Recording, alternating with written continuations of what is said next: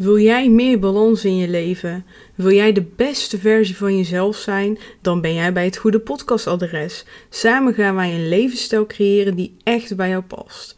In deze podcast ga ik je coachen, zodat je echt aan jezelf kan gaan werken. Daarnaast neem ik je mee in mijn eigen leven. Ik ben heel open en eerlijk over mijn eigen struggles en ik deel mijn eigen lessen. Ik ben Gamze Ergun en dit is mijn podcast. Goeiedag lieve luisteraar, leuk dat je weer luistert naar een nieuwe aflevering van deze podcast. Ik ga vandaag een korte aflevering opnemen, dat is in ieder geval wel de bedoeling. Gisteren ging ik uh, iets maken. Ik ging anchovies maken. En anchovies, dat kennen we allemaal wel uit dat blikje. En dan heb je zo met olijfolie, en dat doe je dan open. En dan doe je er drie of vier op een pizza super veel zout. Ik vind dat eigenlijk niet lekker. Maar vanuit de Turkse cultuur, en dan heb ik eigenlijk meer over het gebied uh, in Turkije wat uh, bij de Zwarte Zee zit.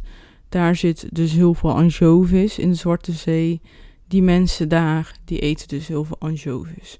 En in principe een heel simpel gerecht. Je paneert de anchovies. Je doet het in een pan met olie en that's it. Dan heb je gewoon anchovies gebakken. Nou, ik heb in de Nederlandse supermarkten geen anchovies kunnen vinden in de vriezer of vers. Um, maar in de Turkse winkel heb je dus uh, diep, uh, in de diepvries anchovies zitten. Nou, ik was daar een paar, uh, paar weken terug. En toen dacht ik, weet je wat, ik ga die meenemen en een keer maken. Ik had dat nog nooit gedaan in mijn leven. Nou, ik zal gelijk het resultaat delen. Ik vond het niet zo lekker. Maar dat komt denk ik omdat we hem dus in de oven hebben gemaakt. Dus ik vond de vis eigenlijk veel te droog. En uh, op het recept zeiden ze echt dat je met een specifiek maismeel moest paneren. Ik weet niet of dat maismeel mijn ideale paneerding was. Maar goed. Dus het was eigenlijk een zware tegenval. Zeker als je beseft dat ik denk ik anderhalf uur bezig ben met de boel uh, met eten klaarmaken. Ja, want ik, zei in de basis super simpel. Maar toen ik die anchovies pakte, had ik me één ding niet beseft. En dat is dat de kop er nog op zat. En ik kan me nog heel goed herinneren dat ik thuis mijn moeder uh, verse vis uh, bij de visboer had gehaald op de markt. En dat ze. Uh, zij vindt dus dat die visboeren altijd veel te veel vlees weghalen van die vissen. Oh ja, trouwens, ben je vegetariër? Blijf wel luisteren, want ik ga echt iets heel belangrijks delen. Um, maar misschien ben je al lang weg, geen idee. Um, maar het is echt belangrijk. We gaan straks stoppen over specifiek vis praten, maar maar mijn moeder vond dat ze dus te veel vlees van die vis eraf haalde. Dus zij deed altijd zelf de kop eraf en uh, de vis helemaal schoonmaken. Nou, prima. Maar ik kan me nog heel goed herinneren dat ik altijd tegen mijn moeder zei... Ik snap echt niet hoe jij dat kan. Echt die ogen van die vis, dat is zo zielig. En dan moet je daar de hele tijd naar kijken terwijl je ermee bezig bent. Ik snap dat gewoon echt niet. Super vies. Zei ik tegen mijn moeder. En dan zat ik wel gewoon lekker vrolijk aan de eettafel. Lekker die vis te eten. En daar moest ik dus gisteren aan denken dat ik dat tegen mijn moeder zei. En nu ging ik het zelf doen. Ik ging, en je weet het, anchovies is super klein. Dus ik weet niet, heb ik 50 van die, ik heb 900 gram anchovies schoongemaakt. Nou, voor mijn gevoel waren het echt 50 visjes. Echt superveel. En ja, ik wist niet eens hoe het moest. Ik dacht, ik ga gewoon beginnen. En terwijl ik bezig was, dus ging, werd het steeds makkelijker. In het begin dacht ik, oké, niet naar die hoofd kijken, niet naar die hoofd kijken. Um, en werd ik zelfs een beetje misselijk in het begin. Ik dacht, nou, dat wordt lekker eten straks. Um, ik dacht echt dat ik het niet kon eten. Maar juist doordat, er, doordat ik er zo lang mee bezig was, was, ik had geen muziek aanstaan en mijn handen stonken natuurlijk, dus dat kon niet meer. Dacht, uh, begon ik heel erg te filosoferen en na te denken. En toen dacht ik, eigenlijk vind ik het heel erg en triest dat we met z'n allen kip, een koe en weet ik wat, we eten alles. Maar we zouden het zelf nooit slachten. We zouden niet zelf eh, de vis levend uit de zee halen en, en opeten. Ja, niet levend dan, maar hè. En dan denk ik, eigenlijk is het wel heel erg als jij het zelf niet zou kunnen doen, dat je het dan wel eet. In de zin van, en dat, dat gaat zelfs over planten, hè. Maar hè, eigenlijk, die vis offert zich op, zodat ik een maaltijd heb. En ik doe hem dat aan, indirect, hè. Maar zo kan je het dus wel zien. Die vis die offert zich op voor mij. Die kip die offert zich op voor mij, zodat ik eten heb s'avonds. En hoe egoïstisch ben je dan als jij zelf uh, ja, niet het mes kan pakken en het kan doen? En denk ik, ja, ik vind het eigenlijk wel heel egoïstisch van mij dat ik nu zo ja, gemeen ben naar die vis toe. Van, oh, zo zielig en dit en dat. Maar ik zit wel in hem te snijden. Dus opeens kreeg ik door die gedachtegang echt zo'n mindsetverandering van...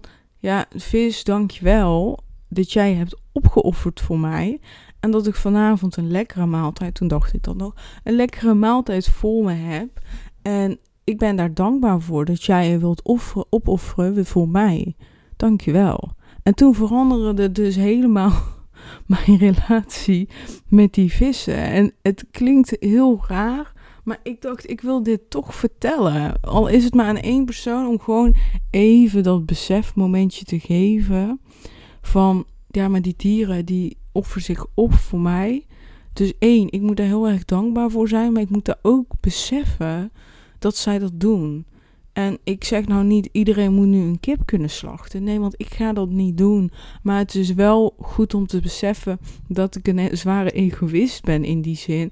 En dat ik meer dankbaar mag zijn voor het eten. En meer dankbaar mag zijn voor die dieren en dat ook mag zeggen. En misschien ook minder vaak uh, mag eten van hun. En um, ja, dat ik, uh, ik ben zelf vegetariër geweest. Niet, uh, niet met de reden dat het dierenleed is, maar meer dat ik toen dacht: dat is niet goed voor mijn gezondheid. Uh, en ik heb dus ruim twee jaar toen geen vlees op.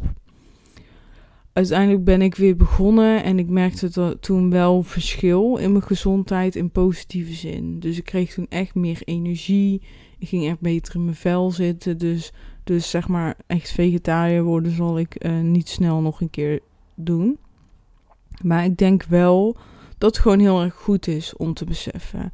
En waarom ik zei vegetariërs blijven aan de lijn, is omdat dit zelfs ook geldt voor een appel. Een appel van de boom die wij opeten, die offert zich dus ook op. Want doordat ik die appel eet, kan een vogel die appel niet eten of een ander dier.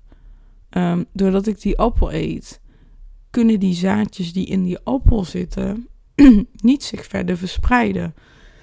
Want hè, dat is de functie van die boom.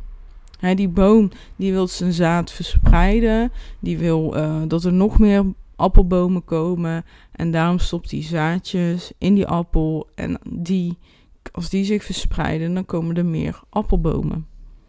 En dat is goed om te beseffen. Dus ja.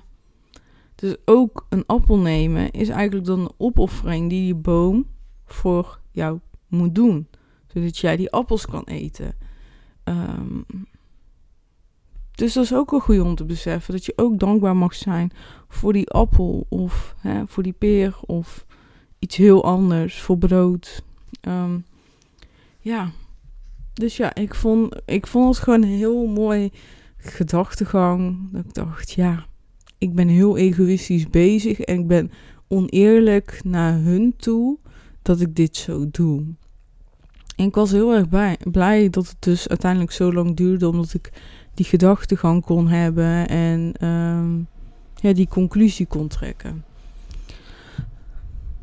Ja, dat wilde ik eigenlijk delen met je. Ik wilde gewoon even dit vertellen. En ja, geen idee of dat anderen hierop aangaan, op deze gedachtegang. Of dat iedereen denkt, grootste onzin. Ja, maakt me eigenlijk niet uit.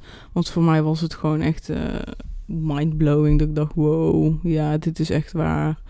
En ja, ik ga gewoon nog meer dankbaar zijn voor mijn voedsel. Zeker eh, dieren en inderdaad van bomen heb ik ook wel heel erg de connectie mee. Ik wil je heel erg bedanken voor het luisteren voor deze hele, hele korte aflevering. En we spreken elkaar snel. Doei doei! Ontzettend bedankt voor het luisteren naar deze aflevering. En vergeet niet, lieverd, zet een kleine stap. Want kleine stapjes leiden tot grote stappen. Dus welke ene stap neem jij mee uit deze aflevering? Als je deze aflevering waardevol vond, waardeer ik het enorm als je deze aflevering deelt. En tag mij via Instagram. Heel erg bedankt. Ik wens je een hele fijne dag. En we spreken elkaar snel. Doei doei.